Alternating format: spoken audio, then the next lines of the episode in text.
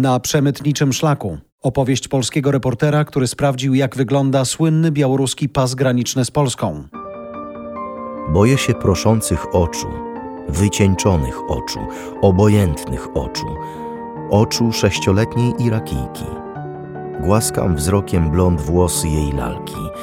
Ma niebieską, ubłoconą sukienkę. Elza? Pytam.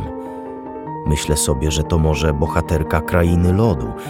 Może ma dar panowania nad mrozem i lodem, przydatna to moc w tym ponurym lesie. Ale widać, że nie znam się na lalkach. Mała mnie ignoruje, poprawia tylko pelerynę, którą zrobiła lalce z liścia w kolorze cynamonu. Boję się łez, drapania w gardle, pożegnań.